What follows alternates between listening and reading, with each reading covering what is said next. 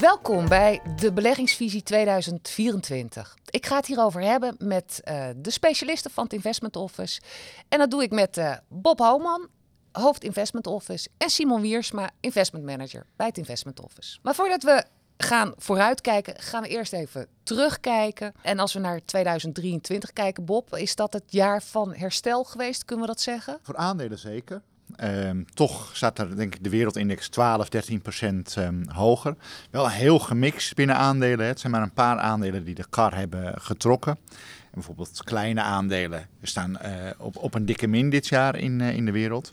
Maar vooral de Magnificent Seven, hè, die hebben het heel goed gedaan. En dat zijn dan die uh, aandelen die te maken hebben met kunstmatige intelligentie. Apple, Alphabet, Meta, Microsoft, Nvidia, Tesla. En, en Amazon. En Amazon. Check. Zoals Nvidia is drie keer over de kop gegaan. Uh, dus die draagt heel veel bij. Zit ook zwaar in de indexen. Dus het had nogal uitgemaakt hoe je had um, belegd. Maar in een goed gespreide portefeuille, zeker. En aan de obligatiekant, ja, de rentes zijn dit jaar eerst nog flink gestegen. Maar intussen, de Duitse rente is weer bijna terug naar het begin van het jaar. Dus ook op obligaties heb je weliswaar geen hele hoge rendementen, maar wel weer positieve rendementen gehaald. Maar dan maak je het slechte 2022 nog zeker niet, uh, niet goed mee. Maar over het algemeen best een heel aardig jaar. Mm. Ja, mooi. Dus uh, je zegt uh, aandelen, obligaties ook wel. Simon, de obligatieportefeuille, heel erg mee gescoord dit jaar. Nou ja, wat Bob zegt, in ieder geval positieve rendement. Als we kijken naar wat we hadden verwacht halverwege voor eind dit jaar, dan klimmen we wel richting die, die percentages toe. Uh, maar nog niet helemaal zoals bedacht. En dat uh, komt toch omdat rentes wat langer hoog zijn gebleven dan dat we hadden verwacht. We zitten overigens wel op het moment dat we de piek hebben gehad. Althans, dat is onze uh, aanname. ook richting volgend jaar kijkend. en wat we hebben gezien is toch ja, het inkomen van spreads. En daarmee bedoelen we de lagere risicopremies op risicovolle obligatiecategorieën zoals high yield, emerging market debt, schuld uit opkomende mm. markten en bedrijfsobligaties. Die hebben er wel aan bijgedragen dat we wel op een een behoorlijk positief rendement staan uh, dit jaar. En dat is wel een heel verschil met uh, N 2022 was natuurlijk mhm. een uh, super slecht jaar voor obligatiebeleggers, überhaupt voor beleggers in het algemeen. Ook 2021 was een negatief jaar voor uh, obligatiebeleggers. Dus we, we klimmen langzaamaan weer, weer uit het dal. En ook de vooruitzichten, en daar komen we straks op, die zijn toch een stuk, stuk beter. Ja, ja want ehm, je, je, geeft het al aan, op het moment dat hè, de rente natuurlijk daalt, gaan die obligaties ook bewegen. Wat, wat verwachten we van de rentebob dit jaar? Ja, of eigenlijk, ik moet zeggen volgend jaar, want we hebben het over komend jaar. Ja. 2024 natuurlijk. Ja. Ja, wij hebben het idee dat, uh, zoals Simon al aangaf, hè, de rentes een, wanneer was het, in oktober gepiekt um, hebben. Duitse rente toen op 3%, Amerikaanse 10-jaarsrente zelfs op, um, op 5%. Dat ook centrale banken zo langzamerhand weer gaan verlagen. Gedurende het jaar, duurt vast nog wel, uh, wel eventjes hoor, tot, uh, tot bijna de zomer denk ik. Maar dat uh, lange rentes daar al wat op, op vooruit lopen. En als rentes dalen, ja, dan stijgen obligatiekoersen. Dus dat wordt best gunstig. En het aardige is denk ik zeker voor een, voor een obligatieportefeuille, als die rente nu wat harder daalt, heeft dat waarschijnlijk een negatieve oorzaak. Tegenvallende economische uh, groei. Dat is niet goed, hè? Dat is niet goed. Nee. Maar dan gaan je koers van staatsobligaties nog wat steviger omhoog. Hè? Nog meer dalende rentes. Dan verlies je weliswaar wat aan je spreadcategorieën die Simon net aanhaalde, omdat daar wel risico in zit. Maar ook als het de andere kant op gaat, als het nou nog langer goed blijft gaan dan, uh, dan gedacht. En, en die rentes weer omhoog lopen, dan zullen de spreads juist wat naar beneden gaan. Dus op, dat is denk ik het aardige van een obligatieportefeuille volgend jaar. In elk scenario, of je nou negatief scenario of een positief scenario pakt, of ons basisscenario, je komt altijd ongeveer op hetzelfde rendement uit. Als je een gemixte portefeuille hebt. En dat is een procent of zeven. Dus dat is denk ik een aardige basis. Ook een aardige basis voor de wat risicovollere categorieën, zoals aandelen. Maar of die rente gaat bewegen, dat hangt natuurlijk heel erg met de economische groei uh, samen. Hè? Wat, wat, hoe zien Ja. we dat? Nou, ik denk de belangrijkste ontwikkeling van het afgelopen jaar is dat daar waar we in 2022, eigenlijk vanaf 2021, de inflatie enorm zagen oplopen tot een piek in Europa van dik boven de 10%, is die nu inmiddels teruggevallen tot onder de 3. Hè, als we kijken naar de headline inflatie, waarin alles eh, zit. En dat is natuurlijk super belangrijk, want inflatie bepaalt de prijs van geld. Ehm, niet op de laatste plaats wordt dat natuurlijk bepaald door de centrale banken. Hè, de Fed en de ECB, maar ook de Bank of England, die hebben de afgelopen 18 maanden de policy rate, de beleidsrente, eh, flink verhoogd. En eh, daar zal ook een eind aan komen. Hè. Dat hebben ze al een beetje, of ik wil niet zeggen daar ze op gehind, maar eh, ze zien die inflatieontwikkeling de goede kant op gaan. En dat maakt ook echt de weg vrij voor wat, eh, wat lagere rentes. En dat is waar we op, eh, ja, op zullen anticiperen, ook in de, in de portefeuilles. En je haalde al even de Magnificent Seven aan. Je hebt ze ook genoemd, heel goed. Maar ehm, je, je, ja, je zei ook van, je had een mooi aandelenrendement kunnen hebben, maar dan had je wel de goede aandelen moeten hebben. Hè? Hoe, hoe zit dat met, met eh, waardering van aandelen? Welke kiezen we, Simon? Waar kijken we dan naar? Ja, als je kijkt naar ehm, eh, waarderingen voor de aandelen, dan zijn vooral groeiaandelen die toch gemiddeld genomen een wat hogere waardering hebben, koers-winstverhouding, dan worden die aantrekkelijker op het moment dat de rente daalt. Want die winsten van die bedrijven liggen veelal in de toekomst. En als je die contant moet maken tegen een, ja, een hoge rente, dan zijn die winsten in de toekomst op dit moment wat minder waard dan wanneer je dat doet tegen lagere rentes. En dat is iets wat we voor, eh, voor volgend jaar ook in het vizier houden. Dat juist die groeiaandelen die dit jaar al goed hebben gedaan, maar ook die de winsten hebben kunnen continueren, de winstgroei kunnen hebben vasthouden. Dat we daar ook voor volgend jaar nog steeds de kansen zien, ondanks het feit dat heel veel beleggers zeggen van ja, maar die zijn al hard opgelopen. Ja. En is die waardering niet te duur? Nee, wij denken niet. We denken dat die waardering zelfs nog wat, eh, wat verder omhoog kan. Juist omdat zij eh, profiteren van die lage rente, maar ook omdat ze eh, die winstgroei vast kunnen houden. Ja, ze hebben het structureel hè, gaat het goed met chips en dergelijke. Ze worden steeds meer gebruikt van elektrische auto's tot, nou ja, bedenk het maar in, Ja. je, in je huishoudelijke apparatuur. Kunstmatige intelligentie is nog een extra driver van, eh, van vraag. En we moeten denk ik ook niet vergeten dat die chipcyclus ook al een beetje, net als de, de rest van de productiesector, heeft eigenlijk al in een soort recessie gezeten. Hè? Tijdens COVID was er heel veel vraag naar bijvoorbeeld chips en computers vanwege thuiswerken, digitalisering. Nou, er was misschien wat te veel eh, productie geweest. Dus toen COVID over was, stortte dat in. Maar dat zie je nu weer eh, het dieptepunt passeren. Ja. Ehm, dat is denk ik ook wel het goede nieuws voor de economieën, waar de verwachtingen misschien voor 2024 niet heel geweldig eh, zijn. De wereldeconomie wordt een, een, een lagere groei voor, voor verwacht. En dat komt zeker vanuit Amerika, die tot nu toe heel goed heeft gepresteerd. Maar waar we wel voor de eerste twee kwartalen van volgend jaar al wat krimp ehm, verwachten. Is het goed dat een, een deel al ehm, eh, zijn recessie gehad heeft. Dus de recessie nu komt waarschijnlijk meer uit de dienstensector. Waar juist dit jaar de vraag heel groot is geweest. Ook misschien nog een klein beetje na- na-effect van, eh, van COVID.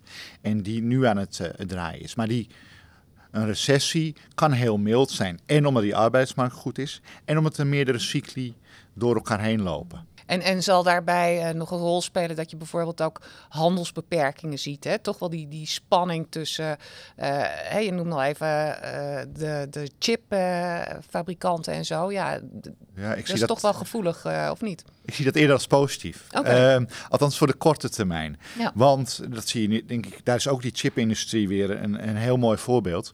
Allerlei landen of regio's zijn hun eigen chipindustrie aan het opbouwen. Dat is weliswaar, dat is misschien het nadeel, wat inflatoren, want het is daardoor duurder. Maar op korte termijn leidt dat in ieder geval tot meer productie in die verschillende landen. Want die fabrieken moeten gebouwd worden, die staan er nu nog niet. Ehm, dus deglobalisering, waar men wel van spreekt, hè, en, en zeker die blokken China ten opzichte van eh, de Verenigde Staten, ehm, is denk ik voor de efficiëntie misschien niet goed, maar eh, uiteindelijk voor je totale productie ehm, is het misschien eerder gunstig. Daarop voortbordurend eh, politieke spanningen, eh, Simon, zie je daar nog een eh, risico voor 2024 met de verkiezingen ook daar? Ja, nou ja, politieke spanningen zijn van, eh, van alle tijden. En eh, het probleem is dat je ze nooit van tevoren ziet aankomen. Al, al zeggen mensen, joh, let op, want daar eh, broeit wat. Ja, dat is eigenlijk altijd het geval. En Um, zoiets als we dat uh, nu hebben gezien met de Oekraïne-oorlog en wat er in, uh, in het Midden-Oosten gebeurt. Ja, dat kun je niet altijd uh, voorspellen. En dat heeft ook geen zin om daar als belegger op te anticiperen. Want de kans erop dat het gebeurt is eigenlijk ja, klein. Is altijd aanwezig, maar, maar klein. Hè, maar de effecten kunnen op korte termijn wel wat groter zijn. Maar in onze ogen um, is het veel beter om dan pas te, ja, te reageren als zoiets gebeurt, dan dat je daar ja, onnodig uh, lang al gaat op uh, anticiperen, waardoor je ja, kansen mist. Ja. Uh, volgend jaar krijgen we natuurlijk de verkiezingen in Amerika. Dus daar ja, verwacht wel wat volatiliteit. Dat, dat wilde ik zeggen. Hè. verwacht wel flink wat beweging. De wereld is wat onrustiger dan, dan gemiddeld. Goede nieuws is, het kan ook weer rustiger worden. En dat hopen we natuurlijk met z'n allen voor, uh, voor iedereen. Maar dat leidt tot, tot flinke bewegingen in zowel rentemarkten als in de economie als op uh, aandelenmarkten.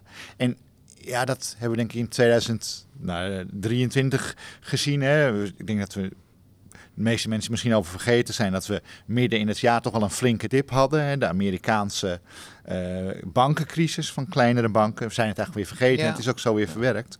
Maar wees uh, voorbereid op volatiliteit en wees ook bereid om dat, om dat mee te pakken en te zeggen: oké, okay, daar ga ik niet uh, paniekerig op reageren. Nee, en, en je ziet inderdaad dat die bewegingen, hè, uh, die effecten heel hevig kunnen zijn, maar ook weer weg hebben. En uh, eigenlijk, uh, als je de grafieken ziet, dat je een beetje van crisis naar crisis soms uh, lijkt te gaan. Maar zolang je van links onder naar rechtsboven uh, blijft gaan, gaat het goed, toch? Dan is er niks aan de hand. Ja. Nee. en dat is het geval vaak met aandelenbeleggen. Je gaat van linksonder naar rechtsboven, maar er zitten soms wat pieken en dalen tussen. En uh, ja, die geopolitieke spanningen die kunnen wat langer aanhouden en dan weer wat kort zijn. En we hebben in de afgelopen, nou ja, het is het 25, 30 jaar meerdere keren van dat soort momenten meegemaakt. Niet om ze nou helemaal te bagatelliseren, want hè, ze hebben echt wel, uh, wel impact, zeker op, op mensen, maar ook op, op bepaalde delen van, van de industrie en, en, en de economie. Um, maar ja, je moet er ook een beetje proberen doorheen te kijken, ook al valt het niet altijd mee. En je moet ook heel erg uh, meegaan met, met de bewegingen. En een van die bewegingen, ja, ik weet niet of je het een beweging mag noemen, maar is natuurlijk duurzaamheid. Hè? Hebben we uh, als echt hele belangrijke pijler inmiddels in onze beleggingsstrategieën opgenomen. Um, wat zijn de verwachtingen daarvoor uh, in 2024? Simon? Oh, nou ja, geef mij het woord. Maar duurzaamheid is iets wat, uh, wat, niet, uh, wat niet weg is. en zeker nog sterker terug zal gaan komen. Ook al is dit jaar een beetje achtergebleven vanwege hoge rentes. Want alles wat met duurzaamheid te maken heeft, energietransitie, noem het maar op, gaat gepaard met enorme investeringen. En investeringen kosten geld. En als de prijs van geld duurder is of hoger is, ja, dan heeft dat op de, op de beurs wat, wat moeilijker. Maar we denken niet dat dat iets wat, wat weggaat. En ook ongeacht wat politieke uitkomsten gaan zijn in Europa of in de VS, denken we dat die trend van duurzaamheid ook onderliggend echt wel door gaat zetten. Dus dat is iets waar we echt wel, wel scherp op blijven. En ook krijgen we ja, onder, um, ik wil niet zeggen druk van regelgeving, maar betere regelgeving over het openbaar maken van data vanuit de bedrijven zelf, kunnen we ook dingen veel beter controleren. En bedrijven ja, wel of niet als duurzaam uh, bestempelen. Ja, dat zal steeds beter worden. Ja. Maakt het voor ons als belegger ook makkelijker om, om dat onderscheid uh, steeds beter te kunnen maken. Ja. Ik denk ja. niet, niet alle bedrijven die als duurzaam kwalificeren, zorgen ook echt voor een oplossing voor het klimaat. Hè. Dat is weer een speciale subgroep daarvan. Die heeft het heel moeilijk gehad. Hè. En die hoge rentes die Simon al aanhaalt. Maar ook zonnecellen tot uh, zeker windmolens hebben ook heel veel grondstoffen nodig. Nou, staalprijs is enorm uh, omhoog gegaan. En ze hadden vaak die windmolens al verkocht en moesten het staal nog kopen. Uh, nou, dus die hebben soms verlies uh, geleden dit jaar. Met dalende rentes en ook grondstofprijzen die, uh, die flink terug aan het vallen zijn.